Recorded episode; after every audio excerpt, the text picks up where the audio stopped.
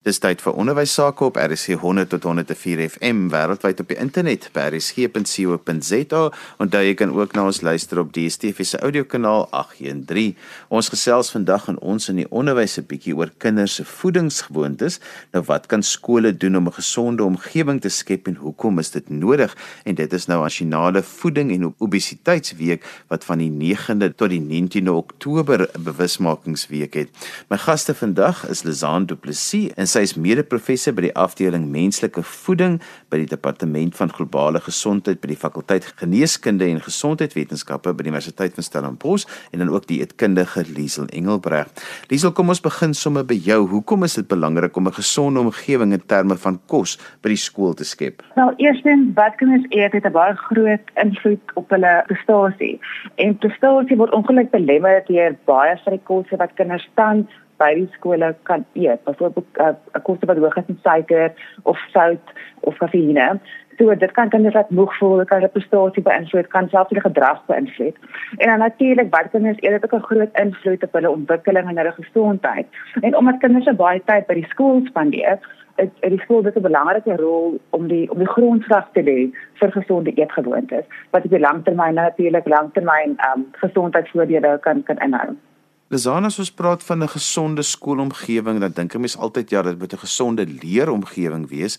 Mens dink selde daaraan dat voeding dan ook 'n groot rol daarin speel om 'n gesonde skoolomgewing te skep. Ja, en dis absoluut reg. 'n Skool moet eintlik 'n plek wees waar almal saam kan leef en leer en werk. Want soos Liesel gesê het, kinders en onderwysers en partykeer ouers spandeer baie tyd by die skool. So dit is nie net 'n leeromgewing nie, dit moet ook 'n gesonde omgewing wees waar kinders leer om te leef. En dit is hoekom dit so belangrik is dat 'n skool 'n uh, omgewing sal skep waar hulle gedurig deur daaraan werk om hulle eie kapasiteite versterk om hierdie gesonde omgewing te skep en gesond op baie verskillende maniere, nie net vir leer nie. Liesel, maar voeding gebeur tog mos nou maar meestal of moet by die huis gebeur. Ja, ons is bewus van al die voedingsskemas en wat daarmee saamgaan by skole, maar goed soos kosblikke, dinge wat kinders skool toe kom om te eet, dit gebeur mos nou maar eintlik by die huis. Ja, daar's baie faktore wat wat kan lei natuurlik dat dat kinders nou gesond eet of of ongesond eet.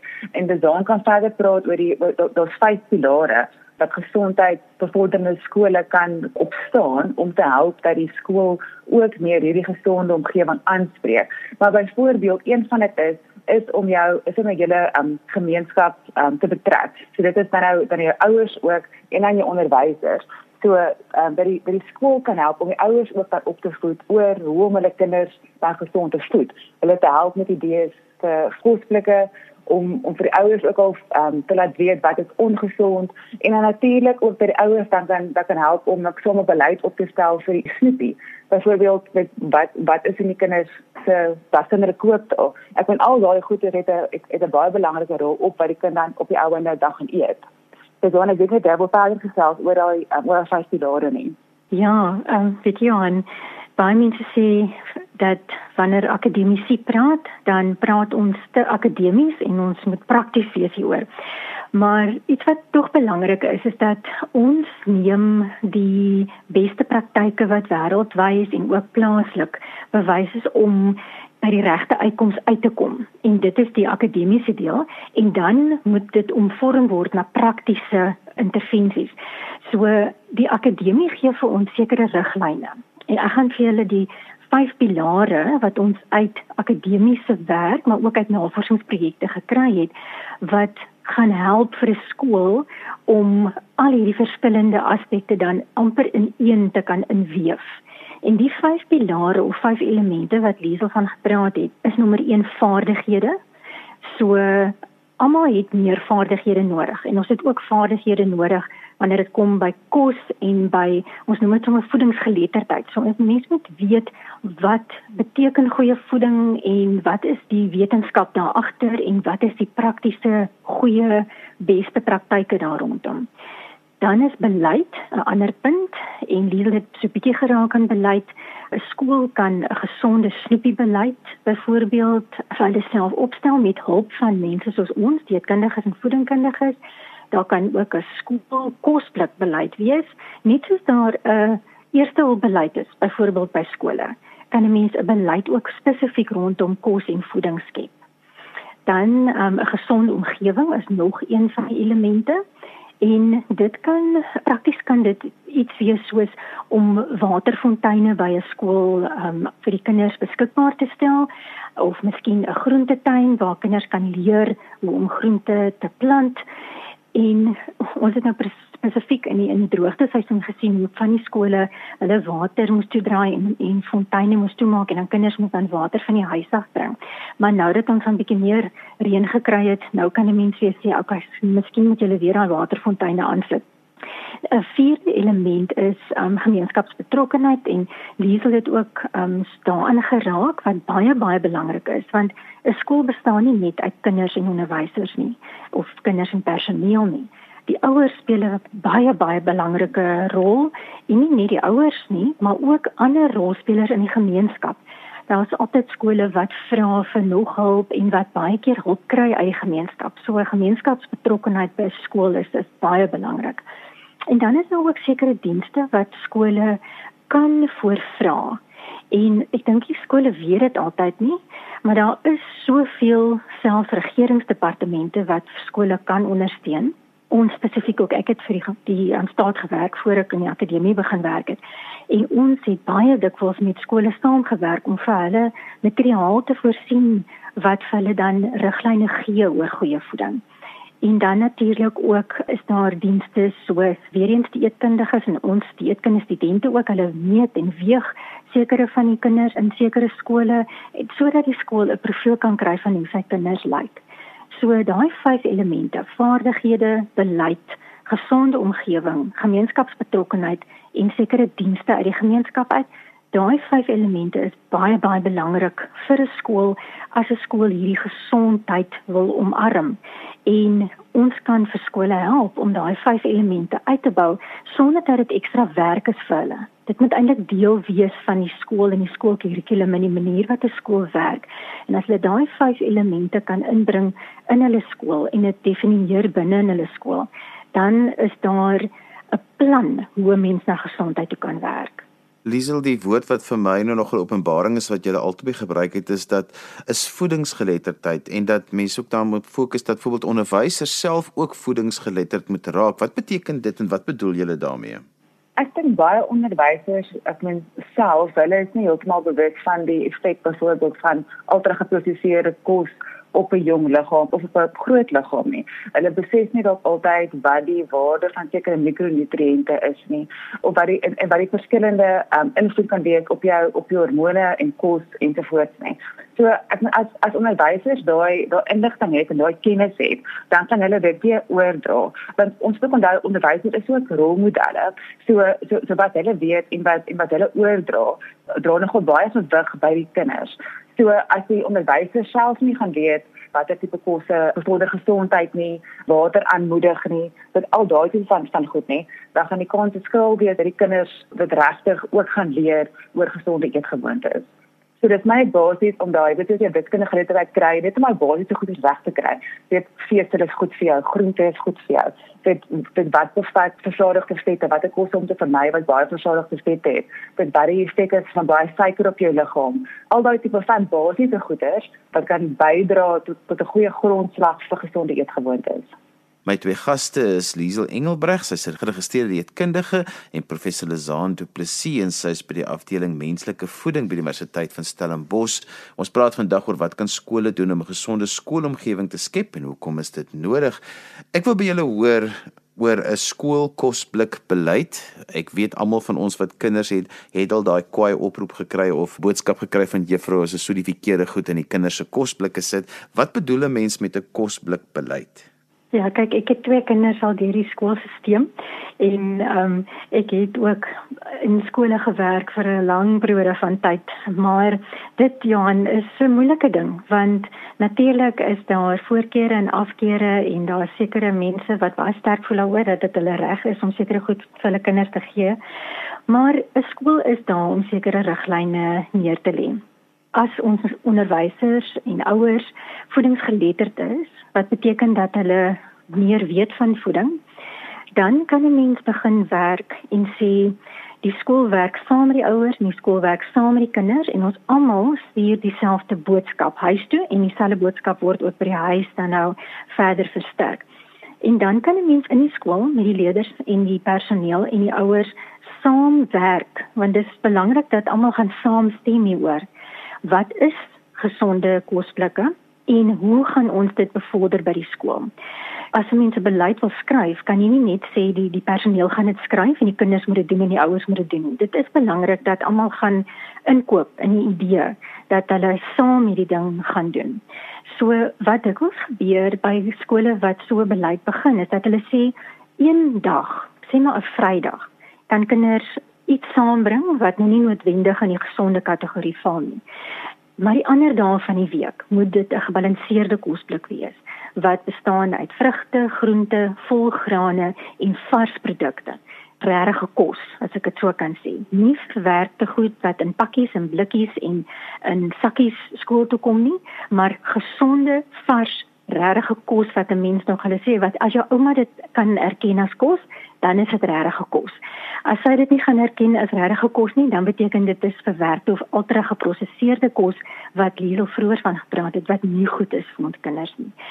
So dit is hoe 'n mens dan te werk gaan om te sê kom ons maak 'n beleid, 'n plan van aksie oor hoe ons gesonde kosblikke in ons skool gaan bevorder. Nou die groot ander ding wat by skole ook 'n bron van Ja, dit is 'n noodsaaklikheid vir baie vir die skole, maar dit is vir hulle kry ook 'n inkomste uit, maar dit is ook baie keer 'n bron van ergernis en dis die snoepies en mens moet seker ook die realiteit dan nou daarmee saamvat om te sê dat die kos wat by snoepies gegee word, dat mense kies maar groot verskeidenheid wat kinders graag koop en gesonde kos is ook nie altyd die goedkoopste kos nie. Ja, ek dink dit is 'n groot uitdaging want ek dink dit is belangrik om om gesonde kosse ook bekostigbaar en aanloklik te maak. Dat jy met die gesonde keuse die maklike keuse maak. En dit is nie altyd die geval by snoepies nie. En ons actually dis navorsing dit in navorsing wat sê dat dat 'n gesonde snoepie eintlik 'n 'n etiese verantwoordelikheid is van die skool. Dit omdat omdat die kos vir die uh, vir die kinders eet so so goed invloed het op hulle gesondheid, moet die skool opdrink die die die, die kinders beskerm teen ongesondheid. Deur seker te maak hulle snoepies verkoop gesonde tipe kos en dit aanloklik. En mens kan self kyk na goeie soos uh, so subsidies vir dit dat my as 'n privaat skool is, miskien kan weet as so as so dit borge is of as of, fondsensamelings kan kan gebeur dit om om sekere gesonde kosse te te te subsidieer. So so tipe iets kan kan ook ook werk. Maar weetlik dan jy het ook al baie aan te doen gehad met die met die snoepie beleid en die en die politiek rondom dit en die en en die wind so so so wat jy nou genoem het.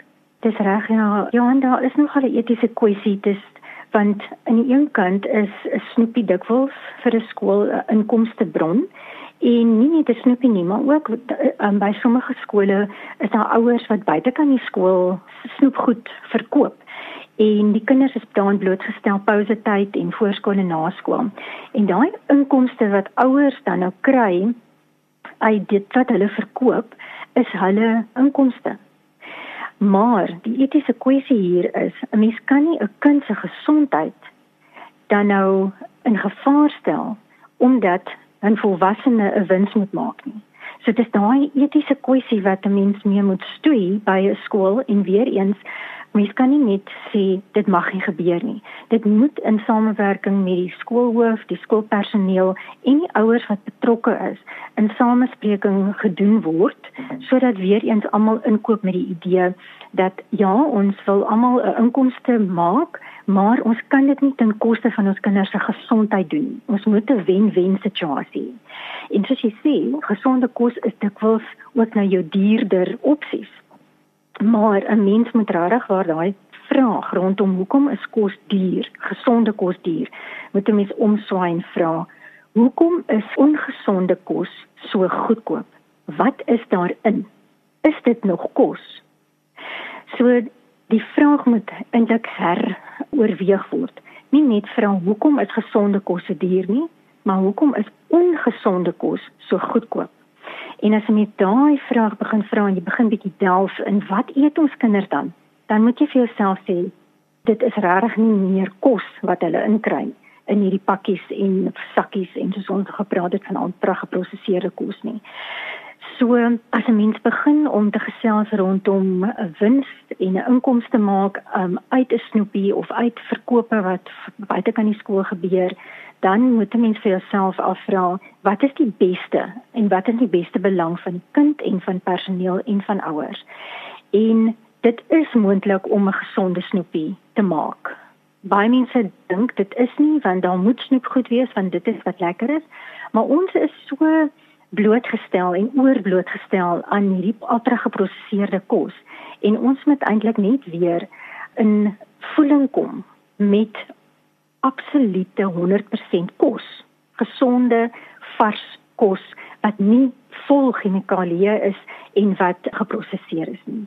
Liesel want aan einde van die dag moet 'n kind binne 'n snoepie staan en hy moet eintlik voeding geletterd wees. Nou, ons weet in die skoolkurrikulum is almal op die driehoek van hoe jy nou met jou kosse kies en soos ek nou al gehoor het eh, wat mense sê is dat daardie driehoek is so al bietjie uitgedien en kinders verstaan nie regtig wat met daai driehoek bedoel nie. So voedingsgeletterdheid by kinders en die kennis wat hulle moet hê is baie meer omvattend as net om met hulle 'n gebalanseerde dieet te doen. Ja, ehm um, ek dink dit is uh, dit dit het doen met met voeding en gesondheid en die funksies van van voedsel en die funksies van makro en mikronutriënte. Ehm um, wat wat is voedingsdigte kosse? Wat is energiedig ehm um, digte kosse? Wat is die verhouding tussen tussen kos en sport? Wat is die verhouding tussen kos en jou brein en jou konsentrasie? Al daai tipe van goeder is deel van jou voedingsgeletterdheid sodat jy dalk 'n besluit kan maak en sê o, maar ek kom nie nou moeg voel nie of dit ek moet dat ek wil dit ek wil dit spiere bou vir my sport of jy weet hierdie gaan nou my liggaam so affekteer of ehm um, jy weet uh, dit, dit ek weet hierdie tipe van kosse gaan my liggaam afstaak of weet as as jy net self en ek dit in kinders hou daarvan om dit as as, as jy hulle meer verantwoordelikheid gee ehm um, uh, hulle as ek die Engelse woord nou gebruik relish dit um, dit baie So um, as as jy hulle daai daai um, daai bemagtiging gee om self daai besluite te maak, weer hulle al die tools te gee om dit mee te maak, dink ek sal sal wat besluite ook makliker wees. Maar dit is nie net 'n maklike oplossing nie. Ek bedoel soos ehm um, en soos dit daaroor gesê het, daar is baie goeders wat op wat op ons koskeuses 'n baie groot invloed het. Ek meen ons word gebombardeer met advertensies van lekker kosse en dit in ons maatjies het dit dit kosse en hulle kosblikke, dit is buite van die skool verkoop mense dit en daar's baie temptasies Ehm um, so ek dink dit vat baie nie wilskrag nie, maar baie kennis en en 'n en 'n 'n langtermyn soort van projek wat jy moet aanpak om kinders en onderwysers en ouers almal saam te kry in dieselfde gesonde voeding, voedingsgeletterdheid tipe van kamp. Lizaan want 'n hoofstuk in 'n skoolboek en in die skoolkurrikulum gaan nie vir ons kinders voedingsgeletterd maak nie. Nee, ja, ongelukkig nie. En kennis alleen verander nie 'n mens se gedrag nie. So dit is iets wat 'n mens moet inoefen en dit is hoekom ons daai vyf pilare gebruik sodat ons sê daar is soveel goed wat 'n mens eintlik moet um, in in plek stel en dan tot jou voordeel gebruik om dit makliker te maak, die gesonde keuse die maklike keuse te maak. So absoluut 100% reg. Kinders moet um, geletterd wees en voeding geletterd deur dit wat hulle leer in die skool, maar dis te min wat hulle tans kry in die skool. Daarom kan skole dieetkundiges nooi om saam met hulle te werk en saam met hulle die pad te stap. En ek dink dit is belangrik dat skole dit weet, want daar is dieetkundiges die land oor. Hulle moet net weet waar om hulle in die hande te kry en ons kan daarmee help. Veral nou in hierdie week waar ons juis fokus op voeding en obesiteit hier van die 9de tot die 19de Oktober. Net so laaste gedagte Liesel, jy sê skole kan selfs 'n skooltuin begin, net so in kort, wat bedoel jy daarmee? Ja, dis dan jy het ook dit het baie ervaring daarmee, maar as jy skooltyd is, van kinders kan kan begin leer wat die waarde van van kos is, hoe om self kos te groei. Dit is 'n ander tipe manier van leer. Dit bemagtig 'n kind op 'n ander manier en dit laat hom met met 'n ander oog kyk na kos.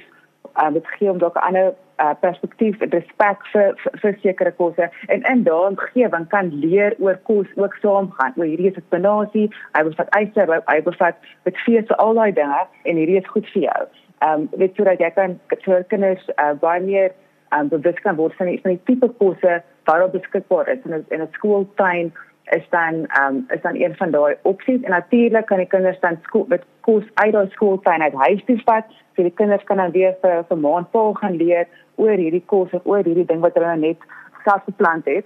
So ja, daar ek dink in die skooltuin het 'n baie goeie ehm um, tot baie potensiaal in 'n skooltuin om kinders en ook dan die ouers en en ook dan die onderwysers meer betrokke te kry by by kos ehm um, en by gesonde regte kos ehm um, soos soos dit dan genoem het. Ja, ek dink wat ek ook agtergekom het oor die jare is dat daar baie kinders wat regtig waar nie weet hoe groente groei nie en wat groente is en hoe 'n spesifieke vrug um lyk en proe nie. Hulle wil dit net nie probeer nie. So daar's baie onkunde onder ons kinders spesifiek rondom vrugte en groente en dis goed wat ons oor praat. Dan sê ons mense moet vrugte en groente eet, maar kinders weet nie eers hoe lyk 'n grenadella nie. Hulle weet nie hoe lyk 'n spesifieke bessie of 'n arbei, maar hulle hulle wil dit nie probeer nie want daar is dan nou 'n pakkie skyfies of lekkers wat wag wat vir hulle meer aanloklik is. So 'n groentetuin kan eintlik 'n baie groot gaping vul ook met ons skoolvoedingprogram. In, in party skole is daar 'n program waar die kinders by die skool 'n maaltyd kan kry elke dag en 'n groentetuin kan ook daardie spesifieke program aanvul. En kinders kan so baie leer um, uit 'n groentetuin en 'n vrugtetuin spesifiek by 'n skool. Liesel, ek weet jy help graag skole juis om hierdie beleide te doen en om 'n bietjie te dink oor voeding. Hoe kan mense by jou uitkom? Ek weet jy het 'n oulike webtuiste, maar jy het ook 'n e-posadres gee gou al die kontakdetails. So my webtuiste is um lieseldietitian.com. Maar Liesel L E E Z E L, the dietitian met 'n T en nie met 'n C nie. En dan my e-pos is net engelbrecht.rd@gmail.com. So dit wil mense my nie hande kan kry. Dis aan as mense met jou wil kontak maak. Ja, Johan, ek gaan vir vir die ehm um, luisteraars die Vereniging vir Eetkunde in Suid-Afrika se uh, webbladsy ehm um, gee, want daar kan hulle gaan soek na dieetkundige spesifiek in hulle area. En daardie webadres is adsa.org.za. So dis adsa.org.za en daar kan jy jou dieetkundige naaste aan jou area gaan soek. Onthou jy kan weer na vandag se program luister as 'n potgooi, laai dit af by resgep.co.za. Dan begroet ek dan vir vandag tot volgende week van my Johan van Lille. Totsiens.